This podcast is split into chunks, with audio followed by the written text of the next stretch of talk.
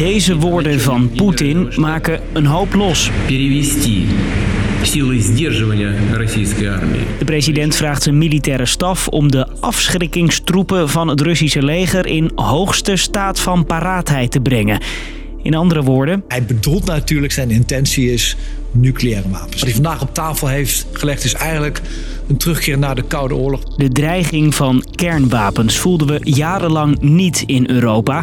Maar nu lijkt die weer terug. Het is volgens experts vooral een manier om het Westen te intimideren. Hoe zit het? Ik ben Marco en ik leg je de kern van kernwapens uit. Lang verhaal kort. Een podcast van NOS op 3 en 3FM. Om te beginnen, waarom zijn deze wapens zoveel gevaarlijker dan gewone wapens? Neem een normale bom. Die bestaat vaak uit een houder gevuld met explosief materiaal dat door een ontsteking en chemische reactie ontploft. Bij een kernwapen of een nucleair wapen zit dat wat anders. Zo'n wapen maakt gebruik van splitsing van atoomkernen. Dat klinkt ingewikkeld, dat is het ook. Wat je in ieder geval moet weten, de gevolgen ervan kunnen groot zijn. Bij zo'n kernexplosie komt namelijk gigantisch veel energie en een enorme hitte vrij. 100 miljoen graden Celsius, de temperatuur van onze zon. In de geschiedenis zijn twee keer kernwapens ingezet. Aan het einde van de Tweede Wereldoorlog laat de VS een bom met de bijnaam Little Boy op de Japanse stad Hiroshima vallen. 16 a.m., August 6, 1945. 78.000 inwoners sterven direct door de vuurzee en de enorme drukgolf die erop volgt. Drie dagen later valt de bom Fat Man boven Nagasaki. 40.000 mensen komen om. Na de aanvallen sterven nog eens tienduizenden mensen aan hun verwondingen of door de radioactieve straling die vrijkomt bij de explosies. In de race om de meeste en modernste kernwapens ontwikkelen verschillende landen zware bommen. De Sovjet-Unie laat tijdens de Koude Oorlog de Tsar Bomba ontploffen ten noorden van Rusland.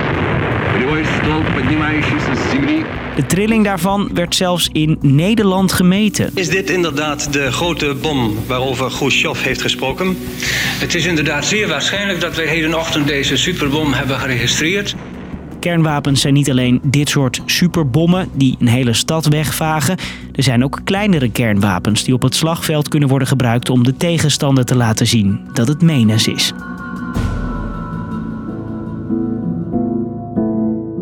Oké, en hoe zit het nu? Hoeveel kernwapens zijn er nu?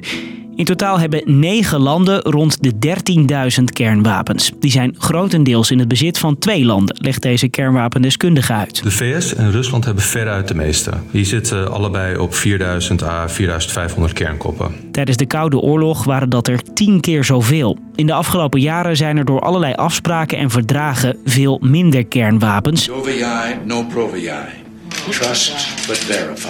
Maar de laatste jaren stijgt het weer wat door spanningen tussen de wereldmachten. Niet alleen in aantal, de bommen worden ook geavanceerder. We hebben betere radars, we hebben betere uh, beelden uit de ruimte en we hebben betere manieren om al die informatie bij elkaar te brengen. Toch is er iets geks met kernwapens. Grootmachten willen er net zoveel als hun tegenstander. Maar ze inzetten is eigenlijk niet de bedoeling. In principe is natuurlijk het paradoxale dat je ze wil hebben om veilig te zijn, maar je wil ze niet zo hebben dat je, dat je ze daadwerkelijk gebruikt of dat iemand ze tegen jou gebruikt. Dus tegelijkertijd ben je bezig met wapenbeheersingsafspraken met een tegenstander om te zorgen dat je tegelijkertijd precies weet wat de ander aan het doen is en elkaar gerust kunt stellen daarmee. Terug naar die woorden van Poetin. This is dangerous rhetoric. This is all a pattern from President Putin, and we're going to stand up for it. will be a catastrophe for the world, but it will not break us down. Wereldleiders reageren hard. Hoe groot de dreiging daadwerkelijk is, dat weten we niet. De ene expert zegt: het is wel Poetin, je weet het nooit met hem. Zoals deze oud-generaal. Wat ons natuurlijk met z'n allen zorgen baart, is dat hij het gebruik van kernwapens in zijn doctrine, zeg maar zijn denkwijze van optreden, uh, als een normaal middel ziet om te escaleren. Andere experts zeggen weer: zelfs Poetin gaat geen kernwapens gebruiken. Het is vooral een dreigement, want de oorlog in Oekraïne loopt niet zoals hij wil, volgens deze militair strateeg. Het is een teken van machteloosheid, inderdaad. Gaat veel te langzaam. En ja, van alle kanten wordt hij belaagd. Uh, politiek, economisch, financieel. Ik denk een soort um, wanhoopspoging om te proberen um, het Westen te intimideren met dit soort praatjes. Rusland hoopte meer van Oekraïne te hebben ingenomen, maar het gaat allemaal moeizaam. Tegelijkertijd neemt het Westen steeds meer sancties en maatregelen. Er zijn nu drie dingen die de EU, Amerika en andere westerse landen moeten doen, zegt deze oud-generaal. Allereerst eenheid en kalmte uitstralen. En dat lukt de NAVO en de EU goed, volgens hem. Ik denk dat ik daarvan is geschrokken. Wat hij heeft gezien wat er gebeurt binnen NAVO en in Duitsland. Het tweede is dat je je niet moet laten afschrikken. Want als je weken knieën krijgt, gaat hij dit elke keer doen. En het derde is altijd in combinatie met het lijntje openhouden. Dus blijven praten met Poetin. Lang verhaal kort, kernwapens kunnen allesvernietigend zijn, maar ze zijn vooral een dreigmiddel. De afgelopen tientallen jaren zijn er veel minder kernwapens, maar de laatste tijd neemt het door nieuwe spanningen weer toe. Wat Poetin precies van plan is, is niet te voorspellen. Sommige experts houden met alles rekening. Anderen zeggen dat Poetin zich in het nauw gedreven voelt en daarom nu het Westen probeert te intimideren.